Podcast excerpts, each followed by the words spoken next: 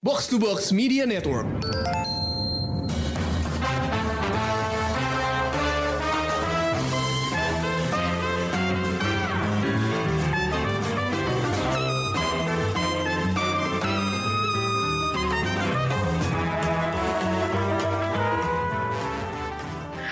Pendengar Showbox, balik lagi di sesi Out of the Box di bulan Februari.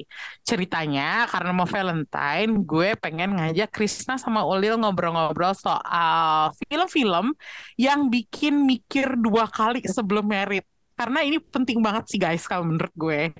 Uh, ingat gak sih pembicaraan kita saat mereview film Noktah Merah Perkawinan uh, tahun 2022 kemarin?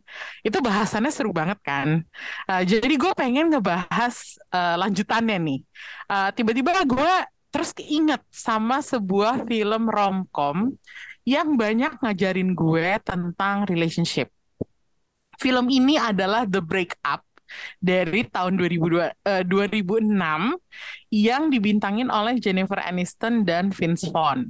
Labelnya sih boleh romcom ya, tapi menurut gue film itu sebenarnya sebuah anti romcom. Uh, ceritanya Lumayan tuh serius isinya. Iya, itu ceritanya memperlihatkan bagaimana sebuah pasangan itu berakhir. Jadi kalau udah nggak cocok lagi, mau dipaksain balik kayak gimana pun juga, mereka juga nggak bakalan happy gitu loh. Pada akhirnya pasangan ini putus dan akhirnya mereka lebih bahagia. Ya. Nah, di tahun itu, uh, pada saat film ini main di Indonesia, gue masih pacaran dengan seseorang yang tiba-tiba menyebutkan the M word ke gue gitu. Pada saat itu gue merasa, hah? Karena gue karena gue merasa sama sekali belum siap komitmen gitu loh. Gue lagi kerja, gue lagi uh, asik cari duit gitu. Jadi gue mikir panjang banget dan mikirnya adalah bisa nggak ya relationship gue survive sampai ke tahap pernikahan? Uh, gue putusin kayaknya nggak bisa deh. Jadi gue bukannya terpengaruh sama film ini, tapi setidaknya film ini bikin gue mikir. Dan setelah gue berpikir masak-masak, gue ngasih jawaban ke pasangan gue pada saat itu, no, I don't want to marry him gitu. Oke. Okay. Ini ini uh, gue nggak tahu ya pelajaran pelajaran yang gue dapat dari the breakup itu bisa diterapkan ke relationship gue pada saat itu. Tapi gue merasa gue banyak belajar dari film tersebut yang mana mengatakan bahwa kalau udah nggak bisa jangan dipaksain. Dan pada saat itu gue juga merasa gitu ya udah kalau misalnya dia sama gue udah beda beda beda pendapat beda ideologi intinya gitu. Ya udah nggak usah dipaksain. Jangan maksa karena kalau dipaksain cuman demi uh, demi menikah itu gue merasa ujung-ujungnya gue sama dia sama-sama nggak bahagia gitu loh. Iya. nah ya nggak sih? Iya betul.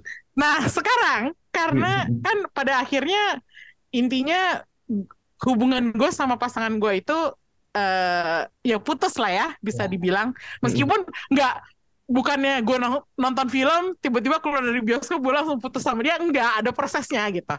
Cuman seperti yang gue bilang tadi kan gue jadi berpikir gitu.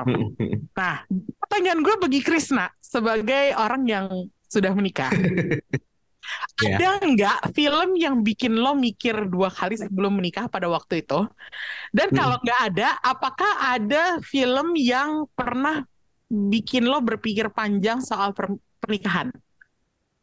Oke, kalau sampai mikir dua kali nggak ada sih jujur ya. Waktu Mm. Karena waktu itu maksudnya gua kan menikah juga nggak dalam usia yang muda gitu ya. Maksudnya bukan termasuk Mm. muda lah gitu.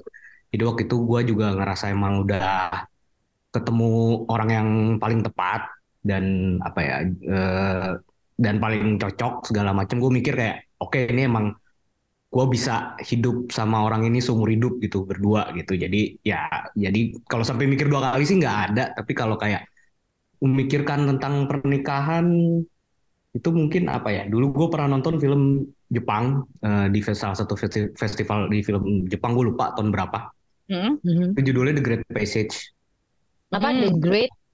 Passage Oke. itu yang yang mainnya dari Yuhei Matsuda sama ah gue lupa ceweknya jadi di ya di situ nunjukin pasangan yang apa ya beda personality sebenarnya kan ceritanya tentang eh sebenarnya ceritanya nggak bukan film romance itu tentang eh apa sih tentang tim pembuat kamus kamus Aneh bahasa banget ya. Iya, nah, cuman itu kayak ternyata kan bikin kamus tuh butuh proses bertahun-tahun bahkan sampai 10 tahun gitu kan. Hmm. Nah, di salah jadi film itu selain fokus ke pembuatan kamusnya juga ke selama proses itu tuh eh, karakternya tuh melewati berbagai fase kehidupan gitu. Nah, salah satu pelajaran apa yang gue lihat di situ ya mungkin cukup menginspirasi itu ketika karakter utamanya itu ketemu dengan cewek yang sebenarnya personalitinya beda banget gitu. Hmm. Karena dia yang geek banget, yang eh, apa ya di kepala itu sebenarnya cuman kerjaannya doang segala macem. Terus ketemu cewek yang lebih lebih talkative, lebih inilah lebih lebih outgoing gitu. Nah terus Hmm. akhirnya tapi ya ya itu saling pengertian, saling support, komunikasi yang baik ya akhirnya ya pernikahan mereka work walaupun beda background, beda personality, jadinya malah pasangan yang jadi pasangan yang sweet banget gitu. Itu sih paling Tapi lo nonton film ini sebelum apa sesudah menikah? oh jauh. Jauh Jauh apa nih? Ini Jauh kan sebelum. 2013 rilisnya di Jepang. Waktu itu gue Ah. nonton sekitar 2014 atau 15 karena eh, diputer di Indonesia tuh waktu itu di Festival Film Jepang emang di tahun yang beda gitu ya, di sekitar Mm-mm. tahun itulah. Itu bahkan Mm. gue belum belum punya hubungan serius sama istri gue sekarang. Oh, itu oke. gue ngeliat kayak wah keren nih mereka kayak eh, ya emang orang menikah personalitinya nggak harus sama gitu. Yang penting saling support dan saling pengertian dengan sem- semua orang punya apa ya kayak tujuan hidup mimpi masing-masing gitu. Ya itu jangan Ah. sampai pernikahan tuh mengganggu itu gitu. Oh, Dan harusnya bagus, memang bagus. seperti itu. Hah? Iya, bagus, bagus. Iya, harusnya Iya, memang Pelajarannya bagus. jadi emang yang penting saling support, saling komunikasi, saling ngerti akan work semuanya. Itu Iya. sih paling yang gue inget. Oke. Nah, sekarang kita beralih ke Ulil yang masih mencari jodoh. Kita sebut aja begitu ya. Masih Masih mencari jodoh. Ada nggak sih film yang bikin Hmm. lo berpikir panjang tentang pernikahan? Banyak lagi. Dalam arti yang positif atau negatif? eh eh, positif dan negatif dan akhirnya memberikan gue banyak pertimbangan dan ketakutan sendiri gitu sih. Tapi gue nggak membawa ini secara em, mendalam gitu loh yang sampai kepikiran banget banget banget gitu. Mm-mm. Karena gue percaya tadi yang Krisna bilang setiap orang kan karakternya beda-beda ya. Jadi gimana tinggal cara lo memahaminya aja gitu. Banyak Hmm. sih dari apa ya? Yang pertama kali ngena ke gue itu adalah film Indonesia tapi sih gue banyak kan film Indonesia. Critical Eleven. Hmm. Oh, Oke, Iya, iya, iya. Terus eh, abis itu eh, Before Tiare. Hmm. Tuh, Eh, abis itu kalau nggak salah hmm, The Word of the Marriage yang Korea.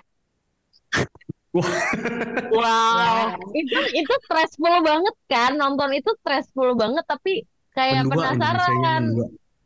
Iya gue bahkan gak mau nonton loh. Eh maaf maksud gue kayak udah gue udah cukup gitu. Gue nggak mau stres lagi nonton itu. Terus eh Redeeming Love. Ini kemarin tuh sempat rame di TikTok filmnya. Eh, nontonnya juga agak sedikit sulit. Tapi menurut gue eh, film ini benar-benar ngeceritain tentang ketika lo udah memutuskan untuk menikah, seburuk apa pun pasangan lo, ya lo tetap harus jadi home-nya dia gitu loh. Lo akan tetap terus em, bawa dia, ngingetin dia untuk jadi eh, baik lagi, untuk eh, numbuhin rasa percaya diri dia lagi gitu di up and downs-nya. Terus yang terakhir ya tadi yang Emmy bilang waktu kamera perkawinan tahun lalu. Banyak Hmm. ya. Berarti referensi Ulil untuk eh, pernikahan itu udah cukup ya Lil dari film. Cukup. Dan Cukup. apa yang apa yang bikin lo takut? yang bikin gue takut adalah em, kalau dari film-filmnya si eh, kayak The Word of Marriage itu kan akhirnya suaminya ini ya ke cantol wanita idaman lain ya gitu. Em, mungkin lebih dari terus kalau misalnya kayak Marriage Story akhirnya mereka setelah mediasi berapa lama nggak berhasil divorce gitu. Hmm. Balik-balik ujung-ujungnya ke anak lagi gitu. Dari Nokta Merah juga ujung-ujungnya anak gitu. Lebih Hmm. apa ya? Lebih ke gimana caranya kalau dari tiga film itu gimana caranya gue bisa tetap konsisten nantinya gitu ketika gue punya suami. Gue tetap bisa konsisten untuk um, sayang terus gitu. Walaupun mungkin Krista yang udah lebih paham kali ya kadang lo pasti ada capeknya ada bosennya butuh me time apa segala macam tapi gimana caranya untuk bisa tetap konsisten kasih kasih sayang itu buat partner lo gitu? Hmm. kayak kadang-kadang gue tuh kayak mikir aduh bisa nggak ya? Terus-terus kayak gitu gitu. Hmm. Mungkin Susah sih itu. Banyak triknya emang. iya kan banyak apa Banyak banyak konsis konsistensi yang mesti lo jaga supaya tetap parks gitu loh Mm-mm.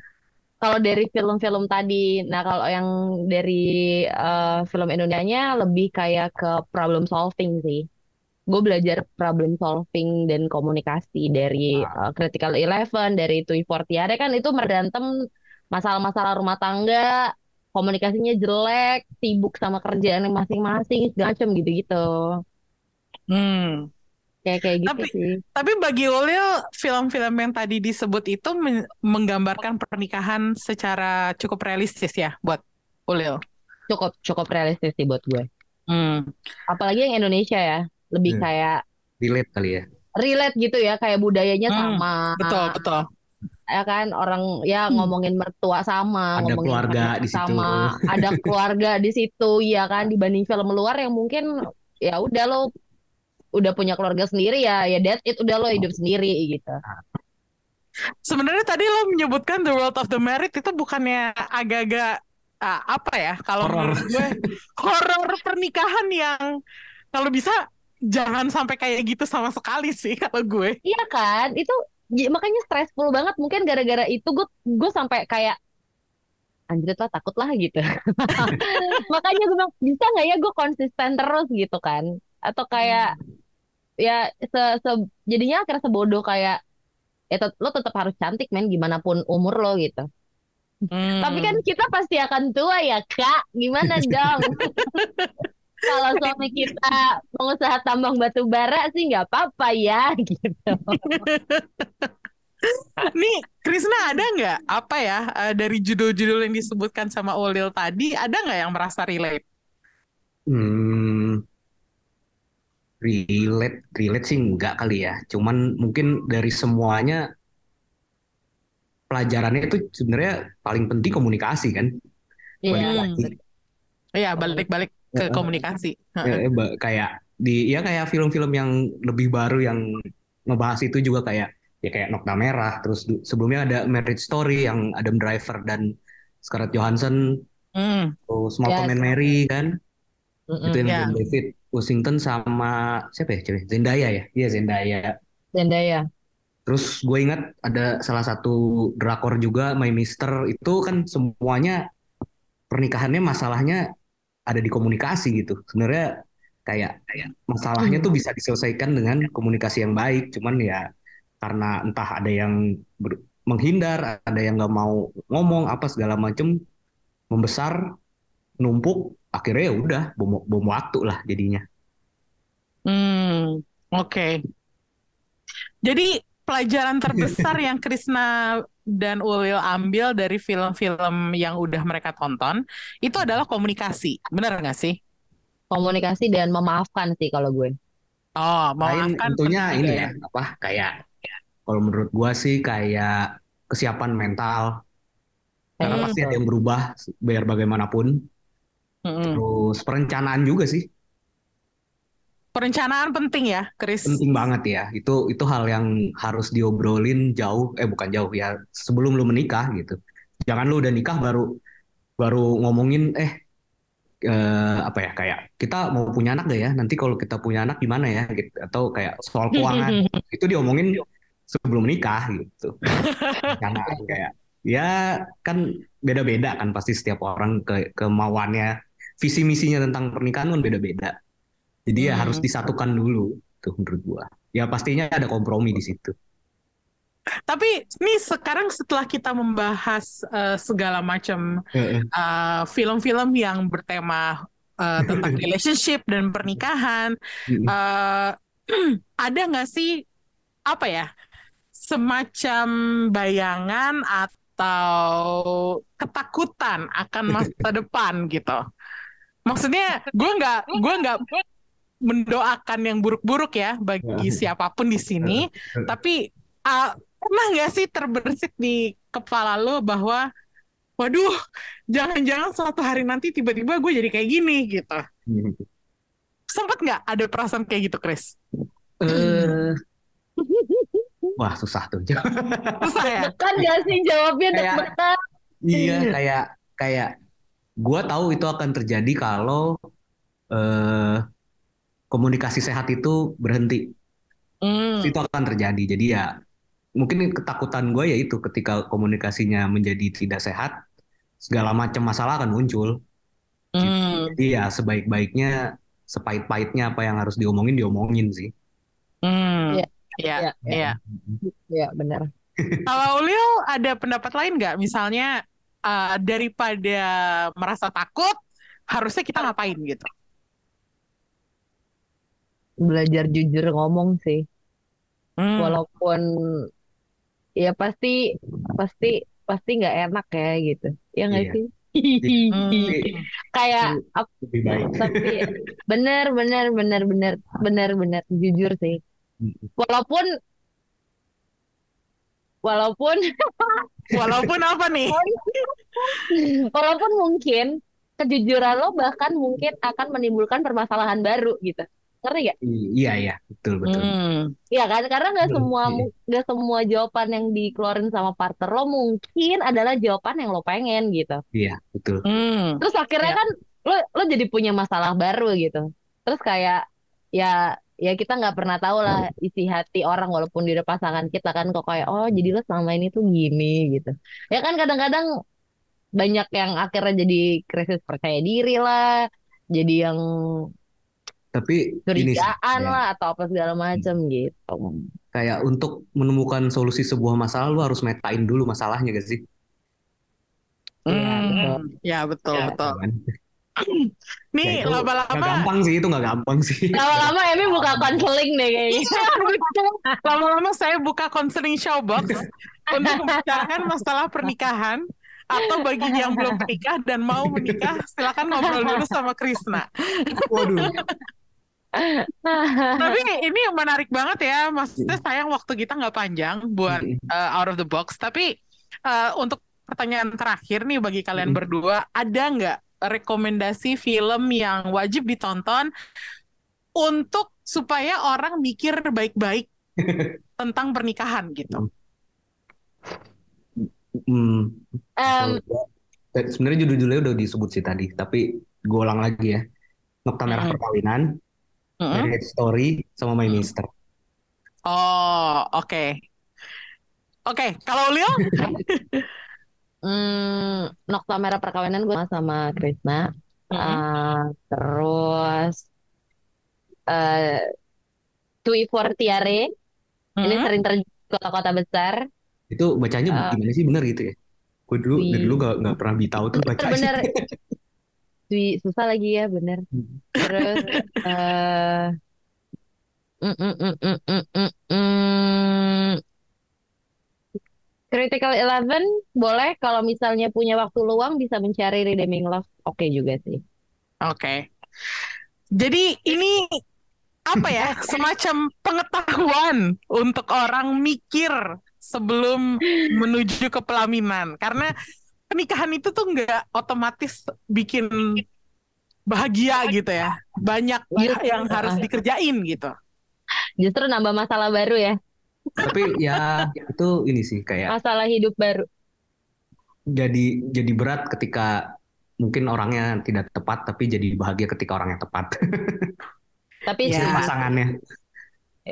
Iya itu dia maksudnya yang yang tujuan gue eh, memperkenalkan film-film ini bukan untuk orang mengurungkan niat untuk menikah, Um, bukannya pengen nakut takutin gitu, tapi sebaiknya memang harus banyak berpikir sebelum Iya. menikah, seperti yang Krisna bilang tadi, harus eh, banyak yang diomongin, harus seperti yang Ulil bilang juga harus jujur gitu, jangan ditutup-tutupin karena cerita pernikahan yang berakhir gila itu banyak banget gitu. So- ca- salah satunya Oke. adalah Gone Girl. Oh, Ya. wah itu stick sih. Itu itu parah banget kan. Lu jangan intinya Gila. sampai ke The World of the Married aja itu udah horor. udah horor gitu. Apalagi lu ketemu yang Gone kayak Girl. Gone Girl itu udah itu udah Udah itu. itu lagi. bukan peak lagi itu udah jatuh ke jurang udah nggak bisa diapa-apain lagi Iya. gitu. Jadi lupa tuh gue nyebut satu itu. nah Iya, bener. guys Saking jadi saking darknya gak sih? Itu dia makanya guys kalau misalnya mau menikah pikir dulu masalah-masalah yang nantinya bisa timbul Eh, dan obrolinlah bersama pasangan lo secara baik-baik gitu secara terbuka gitu dan gua berharap semua pendengar Showbox ketemu sama pasangan yang paling pas buat Amin. mereka Amin. Harus oke mengenali lebih dulu ya. Iya, itulah kenali pasangan lo eh, sebaik mungkin, Baik mungkin. sedalam mungkin, Hmm. sejauh mungkin. Jangan cuman servisnya doang. Kalau bisa di belakang yang terlihat itu lo juga harus tahu gitu. Mm-mm. Karena bener-bener kita nggak pengen dapat pasangan kayak Amy di Gone Girl itu. Gone girl. No, no. Gitu. Oke, is sayangnya cuma segini waktu yang kita punya untuk membahas pernikahan berdasarkan Valentine tapi temanya ini ya, mikir dua kali sebelum merit. Nah, tapi Nah, kita mau bagi mau bagi Penting, kasih sayang. Iya kita benar. mau bagi kasih sayang kita Agar Kita- Valentine-nya works terus. iya Iya. jadi nggak cuman sekali dua kali Valentine terus putus tapi benar-benar sampai ke pernikahan ke pelaminan dan seterusnya juga masih bagus hubungannya gitu loh oke Yes. Oke guys, thank you udah dengerin Out of the Box kali ini tentang film-film yang bikin mikir dua kali sebelum merit. Kita ketemu lagi di sesi Out of the Box yang lain. Thank you.